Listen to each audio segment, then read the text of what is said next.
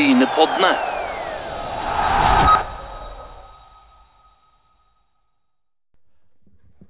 Da er det en glede å ønske nok en eh, velkomsthilsen når da vi har passert 17. mai. Og, og jeg regner med du har hatt flagget til topps du òg, Asker? Ja, det ble ikke så mye flagging, eh, og litt is ble der. eh, Men eh, det var ikke så mye 17. mai-stemning å spore i landsbyen, så det ble helst eh, rolig. Ja, der det ikke har vært rolig, det er i Loen. Og vi må jo selvfølgelig snakke med noen som har mest feirt 17. mai i, i hele år. Vi har en gjest i Atle Gudmestad. Og når det er Atle Gudmestad, så er det håndball, Asgeir? Det er det. Og Atle har jeg tilfeldigvis truffet et par ganger i livet. En gang da han var veldig ung, og, og en gang når han var blitt litt veteran. Så det er alltid kjekt å ha en prat med Atle og høre litt eh, hvordan hans tid i Nærbø har vært før denne finalen i Europacup. Ja, Atle, hvordan eh, Du må jo fortelle litt om, om, om, du er ekte jærbu, eller er det, er det, er det du kommer her for å spille håndball? Ja, nei, jeg er født og oppvoksen på, på Nærbø, og far er fra Nærbø og mor er fra Varhaug, så det blir ikke så mye mer jærbu enn det.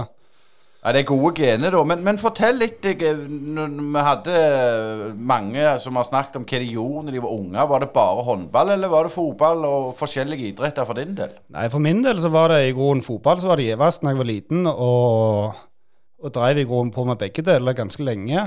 Uh, spilte fotball eh, fram til jeg var 19-20-21, uh, og kombinerte det med håndball. Og vi var en gjeng på Nærbø som drev med begge deler. Enda til når vi var oppe i liten for første gang med håndballaget, så, så var vi tre-fire karer som drev på med begge deler. og Det var helt naturlig for alle.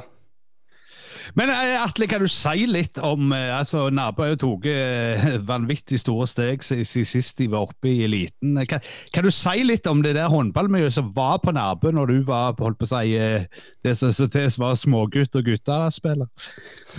Ja, når jeg var, var unge, 10-12 år, så var det liksom ikke sånn kjempegift med håndball. Det var selvfølgelig på Nærbø så spiller alle håndball. Uh, men vi hadde ikke noe A-lag å se opp til, verken med herre- eller damesida. Uh, når jeg begynte å bli 15-16, så kom en del uh, av de karene som var litt eldre enn meg, hjem igjen. og Gjorde det godt i andredivisjon, rykte opp til første. og Så begynte jeg å være med og dingle med litt på A-laget der. og Så rykte vi opp til liten, og da da begynte det å bli litt eh, sånn schwung over det, men eh, fremdeles litt sånn eh, dødt på aldersbestemt. Det var ikke sånn all verden med resultat ned igjennom. Men sånn med erfaringa di og ettertid Det der med etterveksten, holdt jeg på å si. Dere hadde jo en generasjon som, tok jo naboer for første gang i, i topphåndballen. Hvordan var etterveksten da til det laget, som, som var jo kjent for å ha vært godt i en aldersbestemt osv.?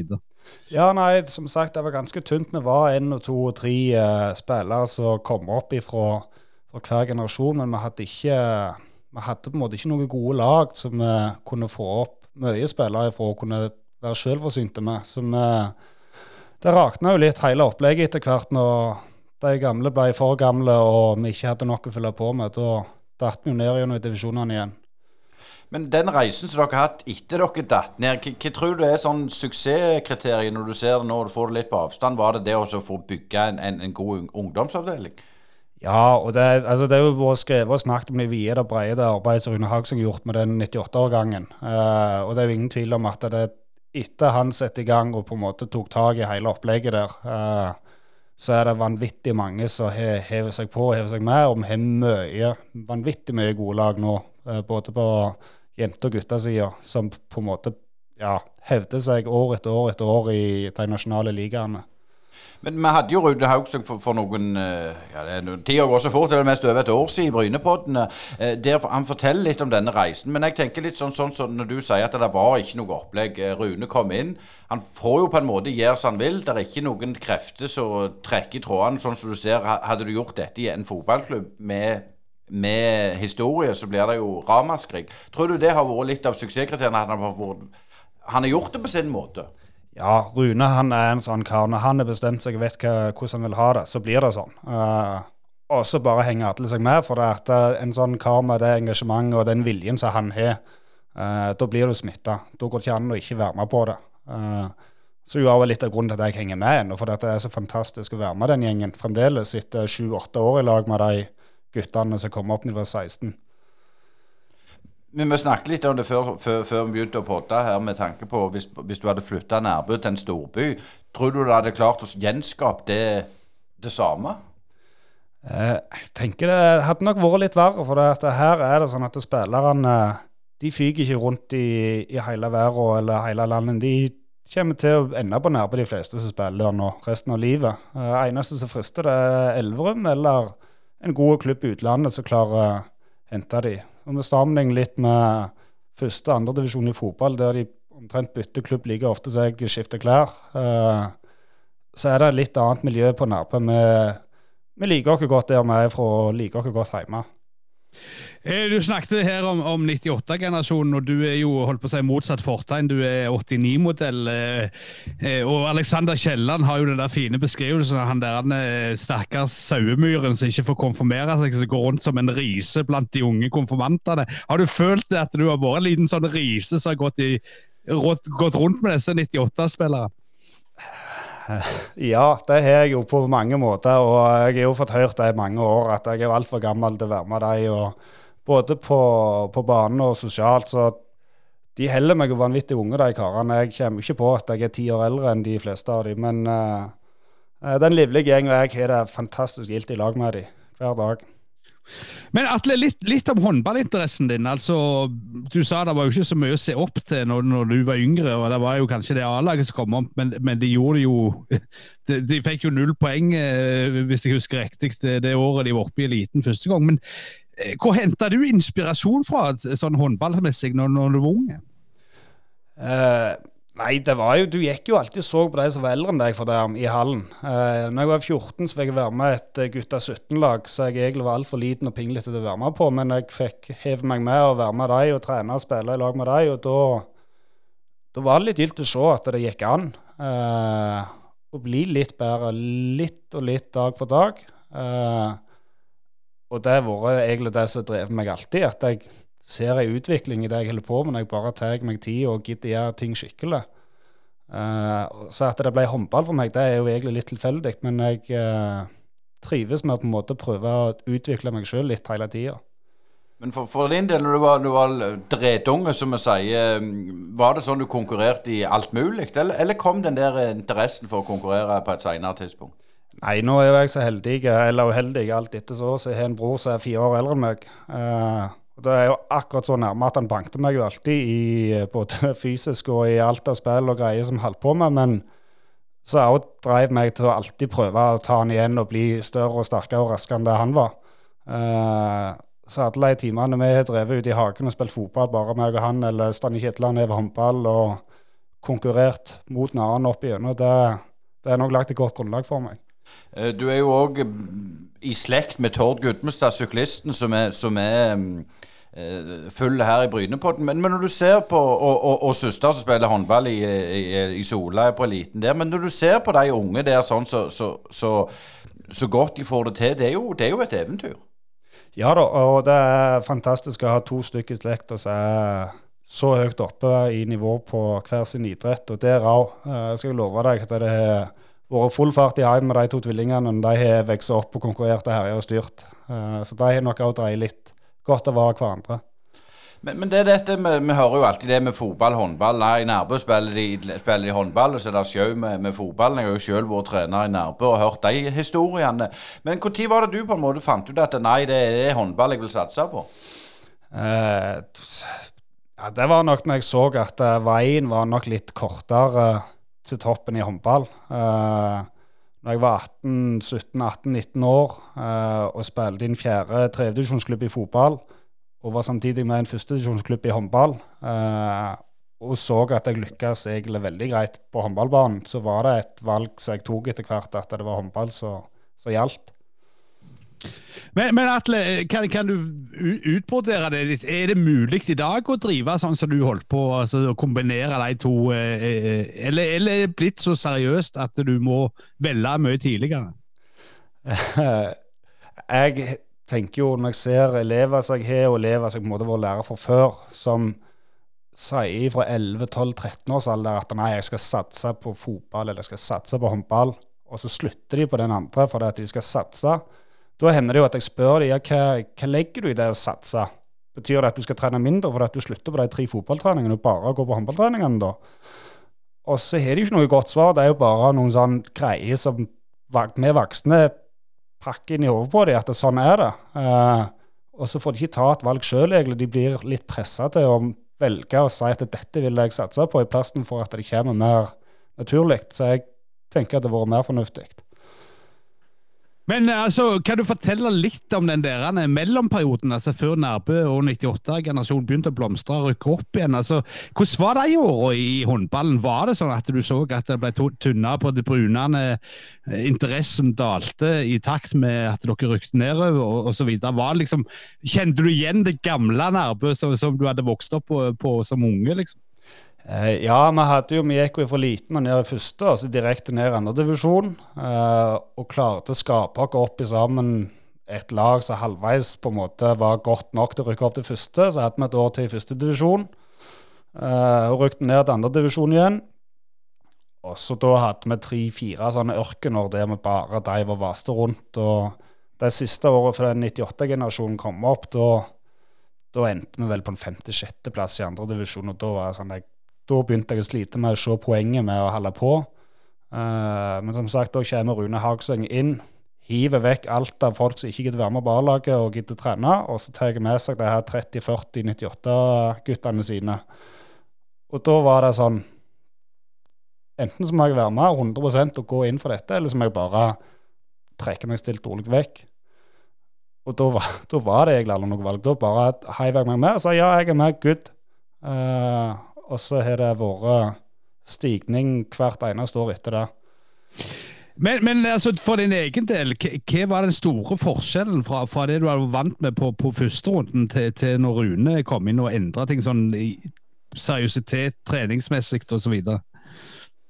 Eh, det er jo litt med den filosofien til Rune med at hvis du trener best, og ofte er mest, så blir du best. Eh, og Da krever det at du ofrer litt andre ting, at du møter opp, at du er med Uh, og gjør det skikkelig. Uh, det var aldri rom for at noen skulle komme og være med litt halvveis uh, hvis de ville bli best. Uh, når de var yngre, så var det litt sånn uh, og Rune prøvde å få med flest mulig lengst mulig.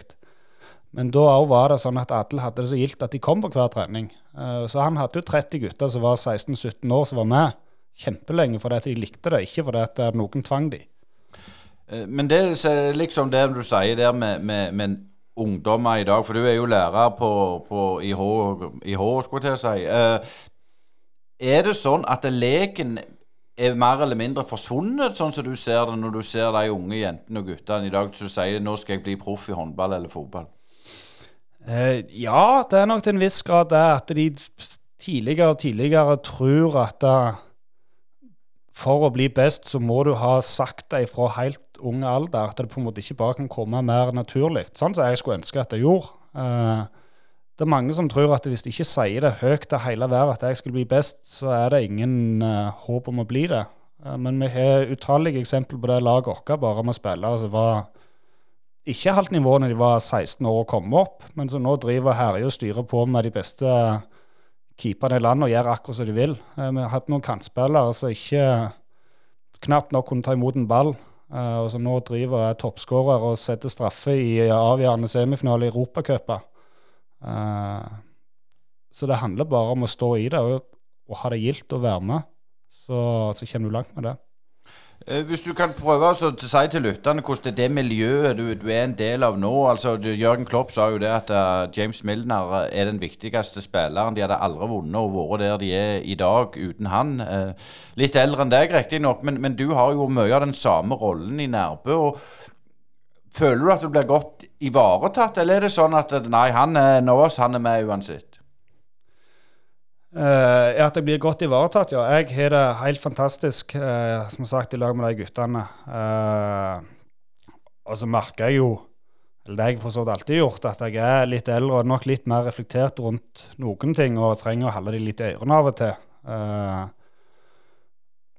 og jeg merker de siste årene så er jeg jo blitt mer en sånn som trekker meg litt mer til sides på trening, og heller gir litt mer beskjed til, til medspillere, og ikke den som står i søkelyset sjøl. Men også jeg, når vi sitter i garderoben, jeg glemmer av at jeg er som eldre. Jeg sitter og fjaser og vaser med de der lortungene og heller på. Uh, så folk hadde ikke trodd at jeg var en voksen mann hvis de hadde sett hvordan vi holdt på. Nei, men det som du sier der, at du, du tar, tar, litt ansvar, du gir dem noen tips og sånn. Er, er det en, en, en, trener i magen? Ja da. Uh, jeg er i gang med noe trenerutdanning og kommer nok til å Den dagen jeg slutter å hive ball sjøl, så kommer jeg alltid til å være i loen og drive og holder på med et eller annet og et eller annet lag der. Uh, men så er det òg den dagen jeg slutter sjøl å spille, så har jeg ennå litt lyst til å ha en periode der jeg bruker litt mindre tid på, på håndballen, og at det ikke blir hver kveld og hver helg uh, at jeg skal bort i Loen. Uh, men det er liksom, det får vi ta litt etter hvert. Jeg bare tenker der før, før vi setter over til Galilea her, men du tenker på du trener jo hver dag eh, to kamper i uka. Eh, du får jo, kall det lønn, men, men, men, du jobber jo 100% utenom. Ja da, det stemmer det. Eh, så det er jo en travel hverdag, men på samme tid så er det Du er på en måte inne i en rytme, og, og, sånn er det, og sånn går det. Og så er du vant med at sånn har du det. Så jeg merker det de ukene vi har vi har fri. Vi har et par uker fri på sommeren og gjerne litt rundt jul. Og da er det så det er to dager på sofaen der, og så er du litt sånn uh, annig i fingrene og lurer på hva du skal finne på. For det er uh, ikke vant til å ligge hjemme på sofaen hele dagene. Men eh, Atle, dere hadde jo eh, Steffen Stegaberg inne hos dere en periode. Og, og, han var jo en mann som på en måte hadde vel litt den rollen som du har i dag. Kan du fortelle litt om, om hva Steffen gjorde med miljøet når han kom inn? Uh, ja, Stegavigen, han uh, Han var jo for det første en mye bedre håndballspiller enn det jeg er. Uh, så han hadde jo kjempemye mer å bidra med på banen uh, enn det jeg har. Uh, men i tillegg også han Jeg vet er de største trenertalentene vi har i Norge per i dag, og har gjort mye bra med Sola de årene våre der. og det er klart det har han hatt med seg alltid, og var kjempeviktig for den perioden da vi brukte opp til eliten. og kunne hjelpe både trenere og også spillere som var spesielt de yngste. Men jeg òg lærte vanvittig mye håndball av uh, å gå rundt Steffen hver dag. Han har et helt unikt håndballhode og har et sånn bibliotek oppi hodet med både øvelser og trekk og bevegelser. Ja, du aner ikke det. er altså helt vanvittig. Han, uh, det er bare å spørre, så har han svaret. Men, men, eh, når du ser på Sola suksess, så, så, så, går jo parallelt med dere. Kjenner du igjen noe fra Nærbø som Sola har på en måte eh, tatt inn i, i, sin modell? Ja, Det er nok litt det med den uh, kontinuiteten. Han har, en del spillere som på en måte bygger laget rundt. Og så har det vært litt, litt mer utskiftning av Shedain. Men uh, så han har kommet inn for ikke så altfor lenge siden og overtok på en måte et uh, A-lag som allerede på en måte vært der. I motsetning til dere som på en måte fikk opp noen spillere og bygd rundt dem. Uh, men jeg ser jo igjen at det er mye av de samme tankene og mye av den samme filosofien han har jobbet etter. Uh, og så har han også sikkert lært mye av å ha en lang karriere sjøl, av hva som er lurt angående treningsmengde og sånne ting. Så vil jeg tro at de gjør nok noen ting litt annerledes enn det vi gjør, men òg vil jeg tro at han har lært vanvittig mye av å være med og se de årene han var der, og så hvordan vi holdt på med Rune og den gjengen der. Eh, det er klart Når det er Nærbø, så er det jo ikke verdens navle. Litt sånn dette med lokale spillere. Du ser Nærbø i media får veldig mye positive tilbakemeldinger. Med rette, selvfølgelig, ikke det, men det er lite negativt søkelys. For deg som spiller, hvorfor tror du det er sånn? For jeg, jeg vil jo tro at det, det går ei kule varmt hos dere òg av og til. Ja, absolutt. Eh, vi har, en god takhøyde og har lov å gi beskjed, uh, alle mann. Og vi spesielt de uh, onkelungene til Rune og sønnen til Rune og de andre òg som mest er så unger til Rune, for det at Rune har jo trodd med dem siden de var små lortunger. Uh, og da har vi lov å gi beskjed til hverandre. Uh, og ingen som på en måte bærer nag til hverandre. For vi kjenner han så godt og har hverandre så godt under huden at vi det smeller godt uh, i garderoben, men så er det aldri noen som kommer dagen etterpå og er irritert på hverandre for noe som skjedde på banen. Og det er lov. Men, men, du var jo som sagt to ganger i eliten, to forskjellige kulturer. Hvis det er noen sånne små peak som du tenker at det ble endra, er, er, det noen sånne Du snakker om Rune, men, men det, han må jo ha gjort noe. altså Er det noe du, du klarer å sette fingeren på det? han er drevet ei lagbygging eh, over mange, mange år. Eh, så jeg tror jeg er mest unike i eh, Håndball-Norge. Eh, der vi bygge en stamme og fylle opp dem, og så har vi noen sånne grunnregler som vi spiller etter, så alle er innforstått med, alle er med på. Uh, sånn banalt eksempel, hvis du glemmer å ta med drakta sjøl til kamp. Enda til nå når vi er liten, hvis noen glemmer den i DNB Arena, så kan de bare glemme å komme på banen, for dette, da, da er det din feil. Uh, folk har fått ansvar fra de var unge, og da tar folk ansvar. Eh, Atle, litt om, om, dette med media. så Dere har jo eh, fått eh, grei dekning i, i Jærbladet og, og lite grann i Aftenbladet. Men sånn, hvis dette, dere hadde vært fotballag og spilt en finale i en europacup, så hadde de jo eh, holdt på å si, brukt opp all trykksverte på dere. Hvordan er det der med dekning utenfor regionen på det dere har gjort nå? Eh, nei, Vi ser jo nå når vi driver og spiller et sluttspill, eh, når vi på en måte kommer inn blant de topp fire klubbene og spiller semifinale, så er TV 2 veldig på ballen og har litt reportasjer, intervju og sånn. Eh, men ellers i løpet av året så er det jo forholdsvis støtt, altså. Eh, og det er jo litt med at, vi har Elverum som spiller i Champions League, så er på en måte et flaggskip uten like. Så vi ligger jo to, tre og fire hakk unna det som de holder på med. Uh, så er det jo begrensa hvor mye spalteplass du på en måte kan få til en håndballklubb eh, nasjonalt. Så, så, jeg tenker det er helt naturlig. Så selvfølgelig skulle vi ønske at vi fikk like mye oppmerksomhet som alle andre fotballklubber spesielt, men, men så er vi innforstått med sånn er det. Men du, du, har jo snakket litt om, om holdt på å si det som eh, ikke var på plass da sist gang dere var oppe. Hvordan, hvordan er det i, med ungdommen i dag? Er dere kommet så langt nå at eh, folk på en måte generere seg sjøl, og at det gror godt i, i bakrygg, eller blir det òg sånn så Bryne at dere må plutselig ut og hente folk eh, langveisfra for å holde dere oppe i, eh, i toppen når, når disse 98-erne begynner å dra på året litt?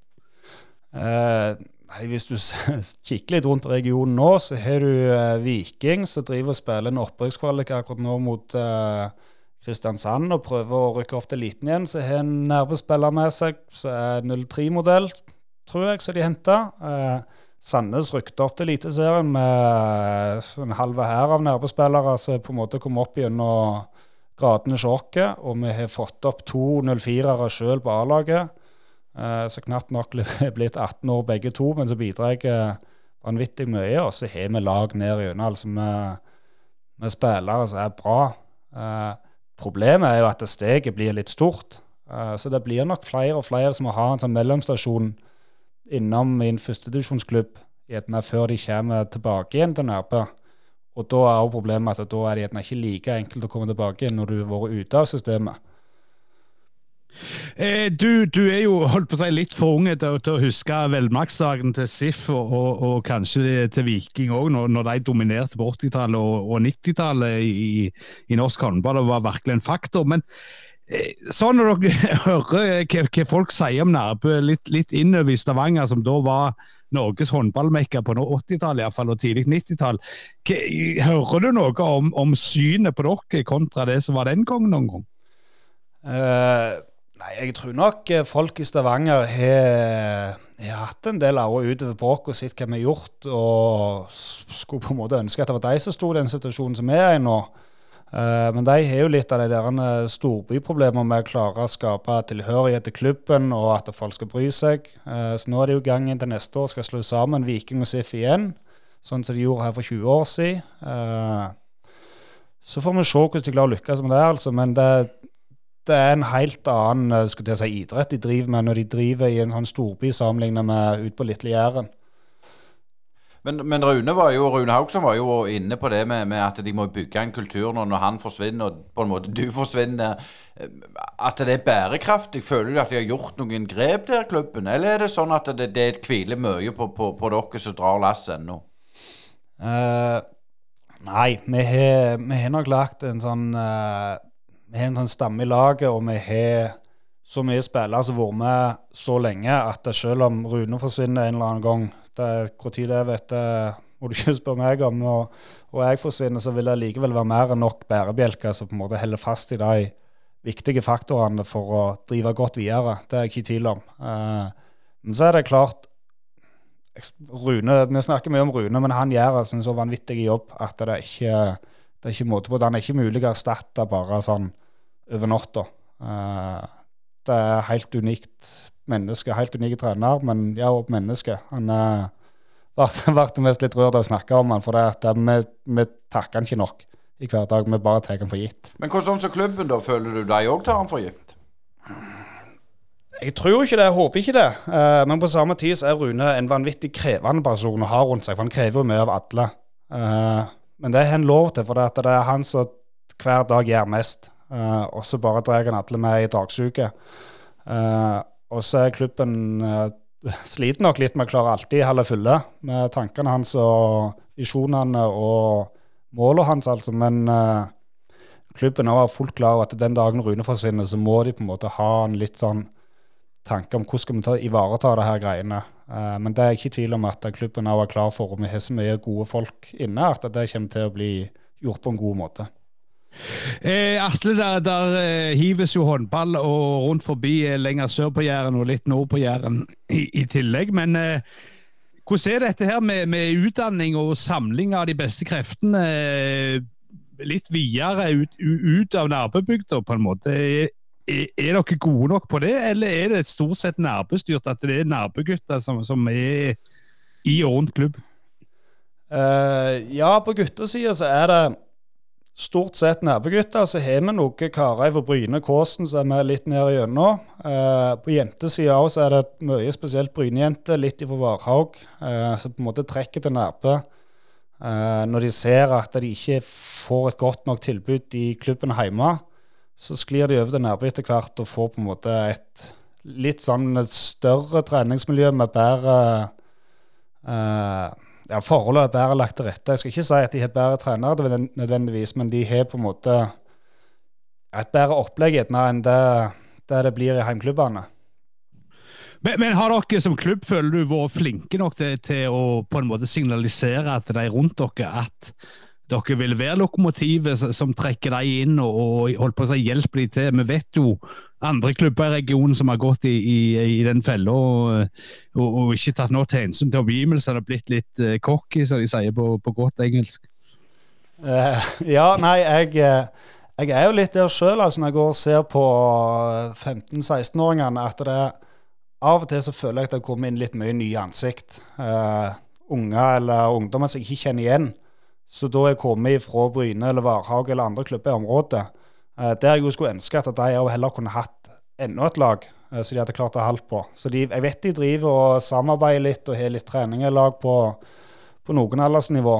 Eh, og vi prøver jo Jeg har vært med litt. Preben Overhaug har vært med litt, som spiller sjokket. Og et par andre som er trenere med litt, er sånn regionstrenere og har litt sånn spillerutvikling for regionen. Eh, og vi, vi, ønsker jo at andre klubber også skal på en måte klare Forventer ikke at det dukker opp flere klubber rett rundt dere som klarer det samme, men at spillerne kan være i sin klubb lengst mulig og utvikle seg best mulig der før de eventuelt tar et steg videre til nærme. Det er jo det som på en måte er målet vårt. Og så vi klarer å gjøre det godt nok, det, det er gjerne ikke jeg den rette til å svare på. Nei, jeg skulle si, Vi stiller jo deg litt sånn klubbspørsmål, Atle Gudmestad. For du, du, svarer godt, og du er engasjert i dette. og Vi sier jo det at eh, fotballspillere og håndballspillere er, er, er, enkle mennesker. Men du har jo virkelig eh, du, du brenner jo for dette. Du, du, har jo tanker rundt så Det er jo derfor vi stiller disse litt sånn vanskelige spørsmål òg. Men dette med, med, med jentehåndball, altså du ser på jentefotball, så er det liksom mye skal man si, støy innad i klubbene. At de føler de får ikke nok oppmerksomhet, får ikke nok ressurser. Men på håndballsida så har det, iallfall på Nærbø, så har det vært ganske stilt. Er det, er det noe der som de, folk har lyst til å, å, å få til, tror du? Eh, ja, nå har det vært sånn på damelaget òg noen år at det kommer opp en del uh, OK generasjoner. Men der har vi et Ålgård-lag som lå i førstedivisjon. Vi har Sola i eliten. Så på en måte har vanna ut litt. De har henta en av de beste spillerne når de har vært forholdsvis unge. og da, har vi ikke klart å skape et godt nok A-lag. Så har hatt mulighet til å rykke opp til førstedivisjon og på en måte ta det steget videre. og Så er de i stand begynt litt på ny og på ny og på ny med en ny generasjon hvert år. Uh, men vi har, et godt opplegg der òg, altså. Og de har, de har en stor stamme, men det er mye unge spillere. Uh, så de trenger nok litt tid på seg før de på en måte kan ta neste steg. Men det, det skjer mye på jentesida òg. Eh, vi må jo innom at du var jo i Sandnes og, og spilte litt uh, da, da litt, jeg er litt opptatt av dette med kulturer. Hvilken kultur var det du kom til da? Og når var det? Nå husker ikke jeg. Var det i 2019? Mm, ja. det var rett før koronaen smalt, så tidlig 2020. Februar 2020. Mm.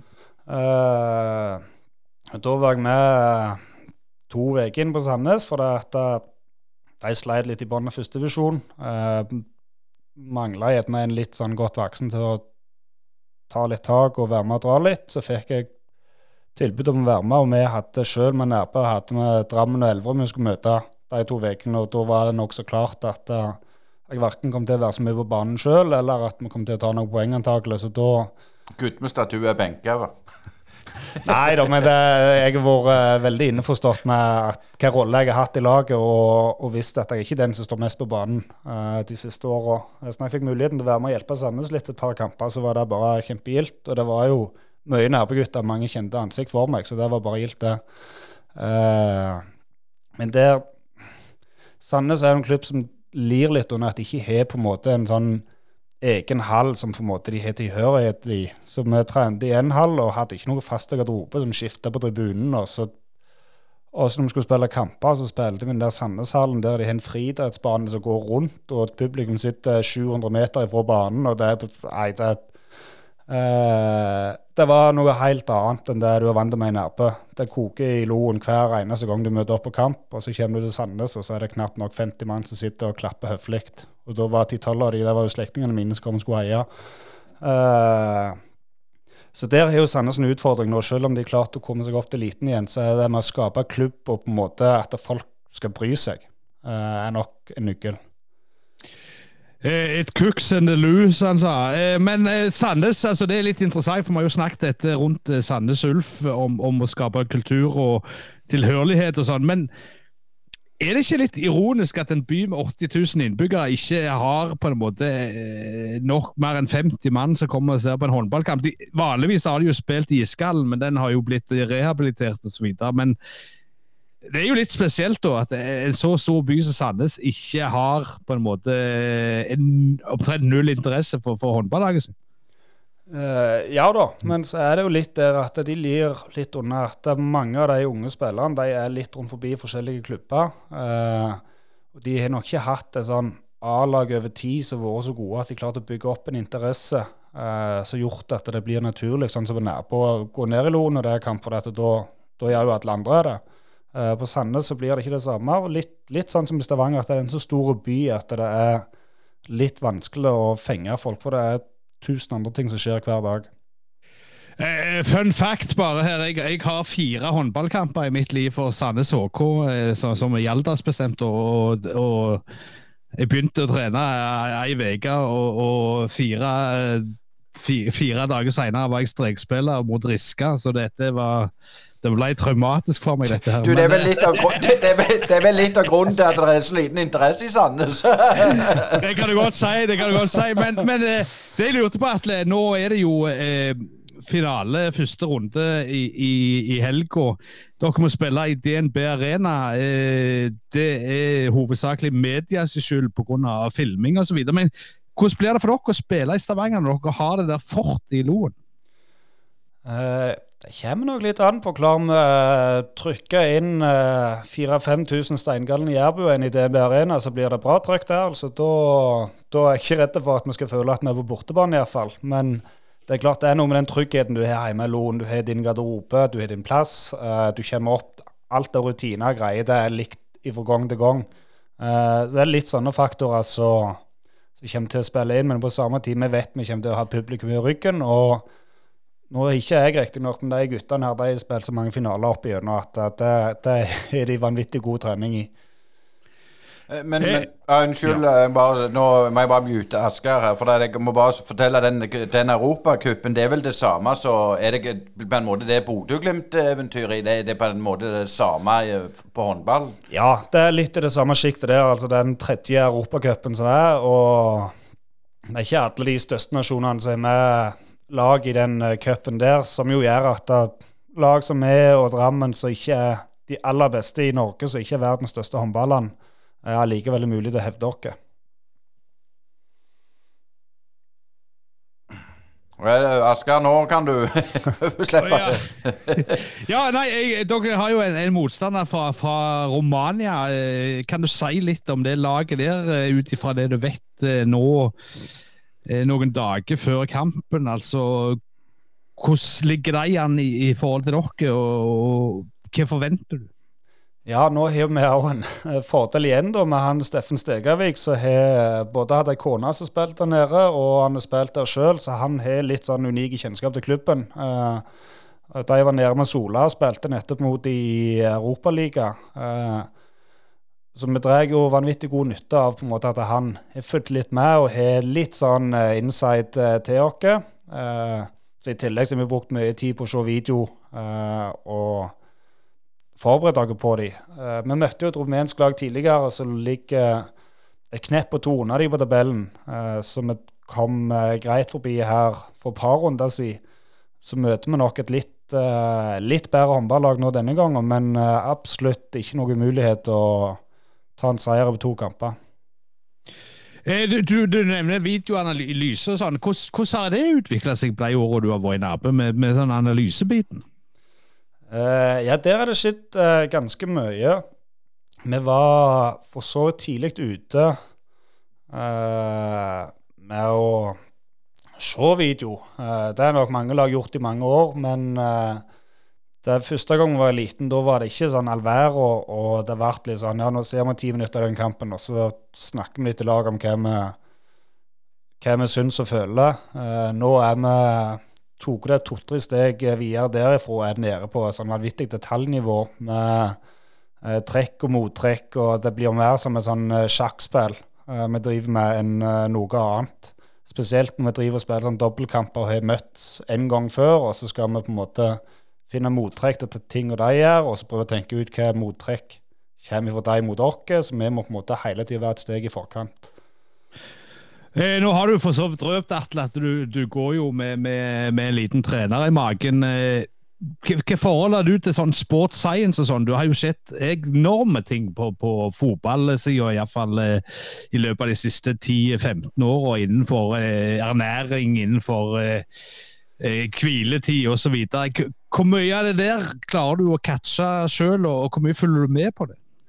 Uh, jeg følger jo med uh, og prøver på en måte å oppdatere meg litt. Jeg gikk jo et år på idrett grunnfag i Stavanger der jeg på en måte fikk litt sånn eh, eh, grunnlag, og så jeg på en måte har litt å bygge videre på. Eh, så det er jo absolutt en del av de tingene vi gjør med laget, der jeg på en måte tenker i mitt hode at hvis det hadde vært jeg som hadde styrt, hadde jeg gjort det på en annen måte. Uh, Sitte opp mot restitusjon. Uh, hvor tid vi er til hvordan vi legger opp på en måte alle her detaljene. Uh, på samme tid så har vi en sånn vanvittig uh, frihet i laget, for det at vi stoler på at folk er dyktige på dette og har lært uh, hva som skal til av søvn, og hva som skal til av mat og sånne ting. Eh, så vi ikke Men vi bruker utrolig lite ressurser på det, det gjør vi. Eh, Sammenlignet med de beste fotballklubbene så har folk som styrer alt ifra da.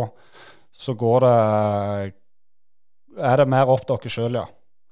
Du hørte dette først her i Brynepoddene, for nå snakker vi med, med, med en eh, kommende trener på, på herrehåndball eller damehåndball, Atle Gudmestad. Det er jeg helt 100% sikker på når jeg hører når du forteller om dette. Men er det, er, er, hvis dette stemmer det jeg sier nå, men er, har du lyst til å trene i Nærbø, eller har du lyst til å få litt impuls, impuls andre steder ifra? Uh, ja, det er litt sånn uh, sammensett. Ja, for skal du trene noen andre plasser, så må du på en måte gjerne flytte på deg. Og det er litt med situasjonen på hjemmebane og sånne ting òg som gjør at det er ikke bare bare. Uh, men på samme tid så er vi mye gode håndballklubber i distriktet som gjør at det er mulig å bo her på Jæren og likevel kunne utøve et håndballtreneryrke på en god måte. og så er jeg fremdeles så ung og fersk at det er på en måte gå litt graden i nærpe og bidra inn mot de yngre lagene litt, er absolutt en god måte å starte på, iallfall. Men vi må jo over til, til deg, Asker. Du, du, skal få uttale den laget de skal spille mot, for der er ikke jeg så god. Ja, det, det, har ikke jeg før meg, dessverre, Øystein. Så, så. der tok jeg deg! Det er fint. Men det, det, det var jeg, Du får si det, du. Uh, Bayamare.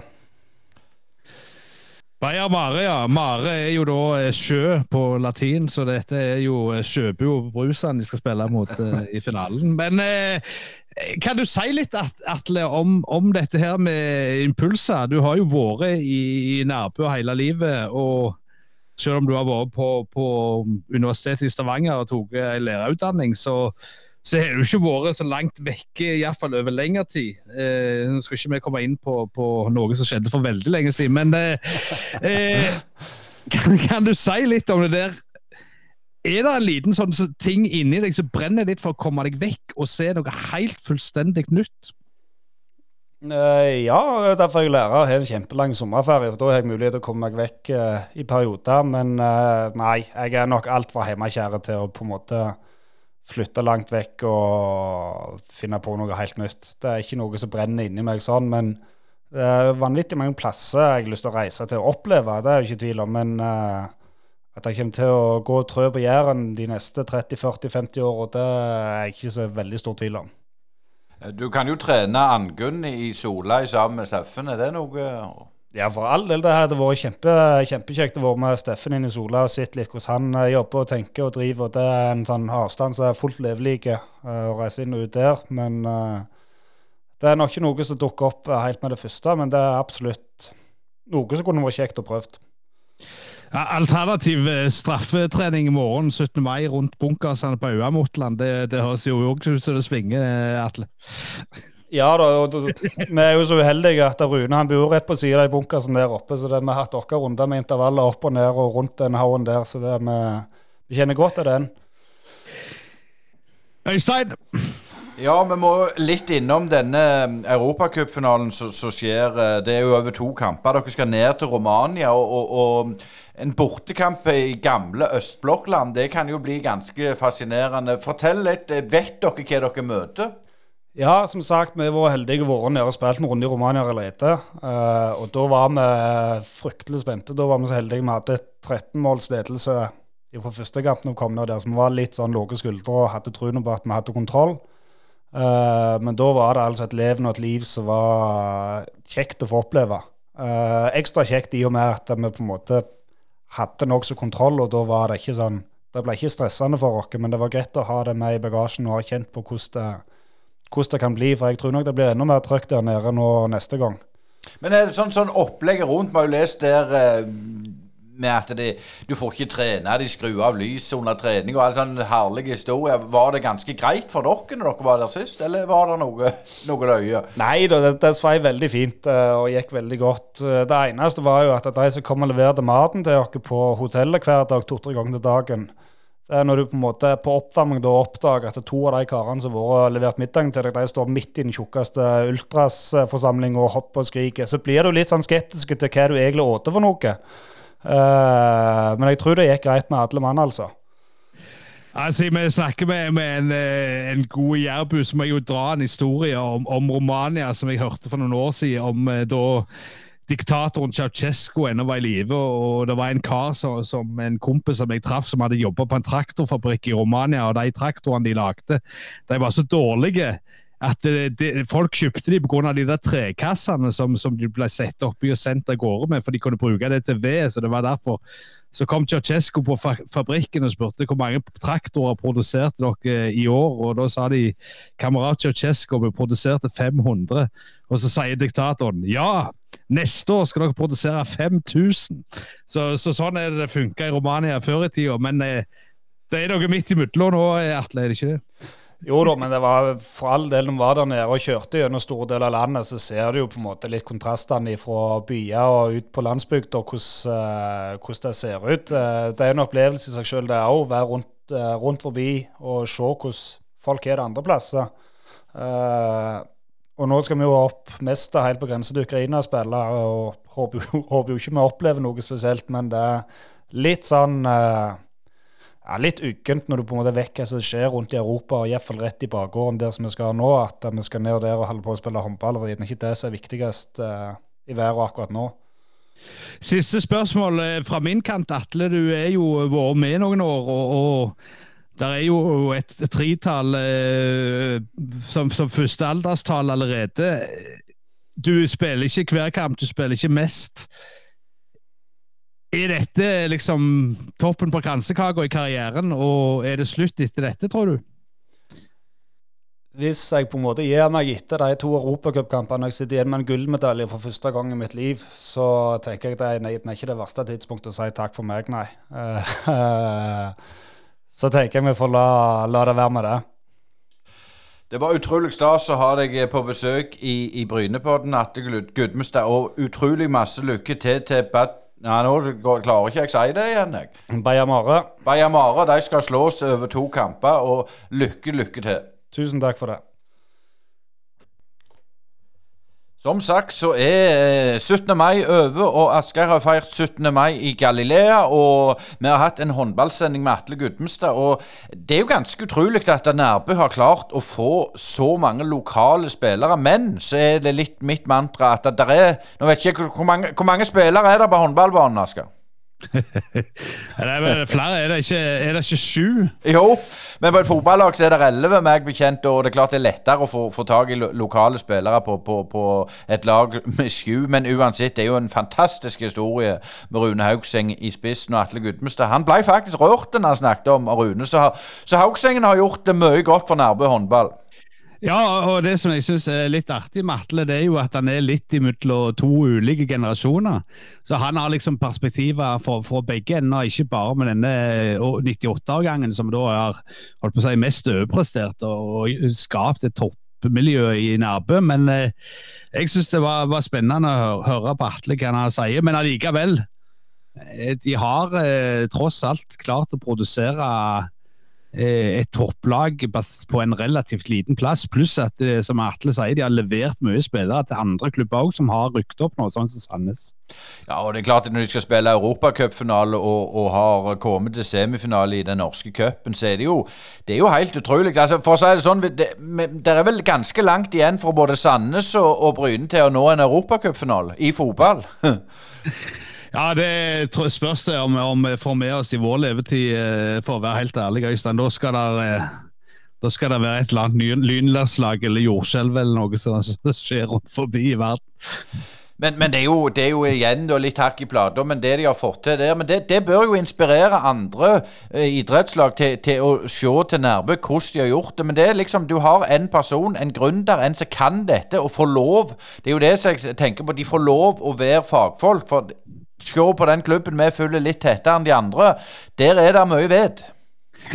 Ja, det er jo mye ved på Jæren. Du, du, du, har jo de som har ved, og så har du resten. Men, men altså, det er, jo, det er jo, lov eh, å, å, å, prøve noe nytt. Og, og Rune Haugsen har jo våget å gå nye veier. Og jeg er sikker på det, og det var vi jo inne på når vi snakket med han òg, at det er ikke like populært blant alle. Det er folk som tenker på andre måter. Men jeg tror eh, ofte så må du gjøre noe annerledes for å lykkes.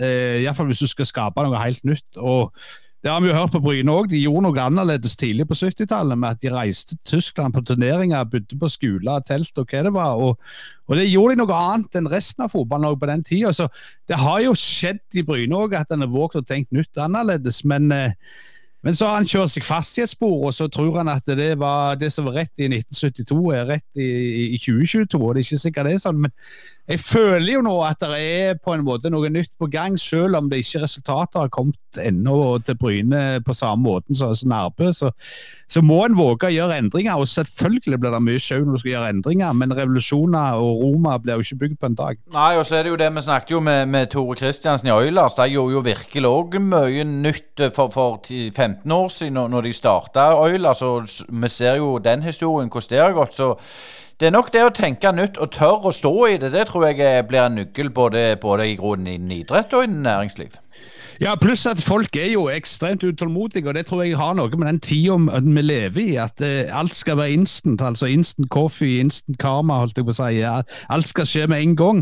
Men sånn, så, sånn, er det som regel ikke. Altså Noen plasser, altså I andre kanter av verden så har de et annet forhold til tid i, i den regionen som jeg bor i. Så, så ser en kanskje mye lenger fram eller mye lenger tilbake og husker lenger. og og, og, og, det er ikke bare gjort over natta. Altså, det har vel skjedd et par ting. Altså, det, er, det, det første beste eksempelet jeg kan komme på i fotballen, er jo Chelsea, når, når Abramovic kom inn i klubben og de, de kjøpte omtrent det var, som var gode spillere og lyktes relativt kvikt. Men, men, det er jo ikke mange som har de forholdene der, altså, i norsk fotball eller, eller, i fotball generelt. Og hvis du ser på storlag som, som Fergusons United, som Klopps Liverpool, de brukte noen år før de var oppe og kjempa om medaljen.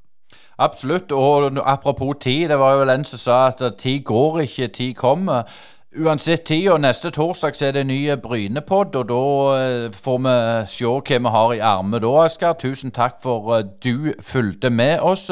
Følg oss på Spotify, iTunes og Podbean og våre sosiale medier. Vi òg setter pris på tips. Tusen takk for du tok deg tid å høre på Brynepoddene.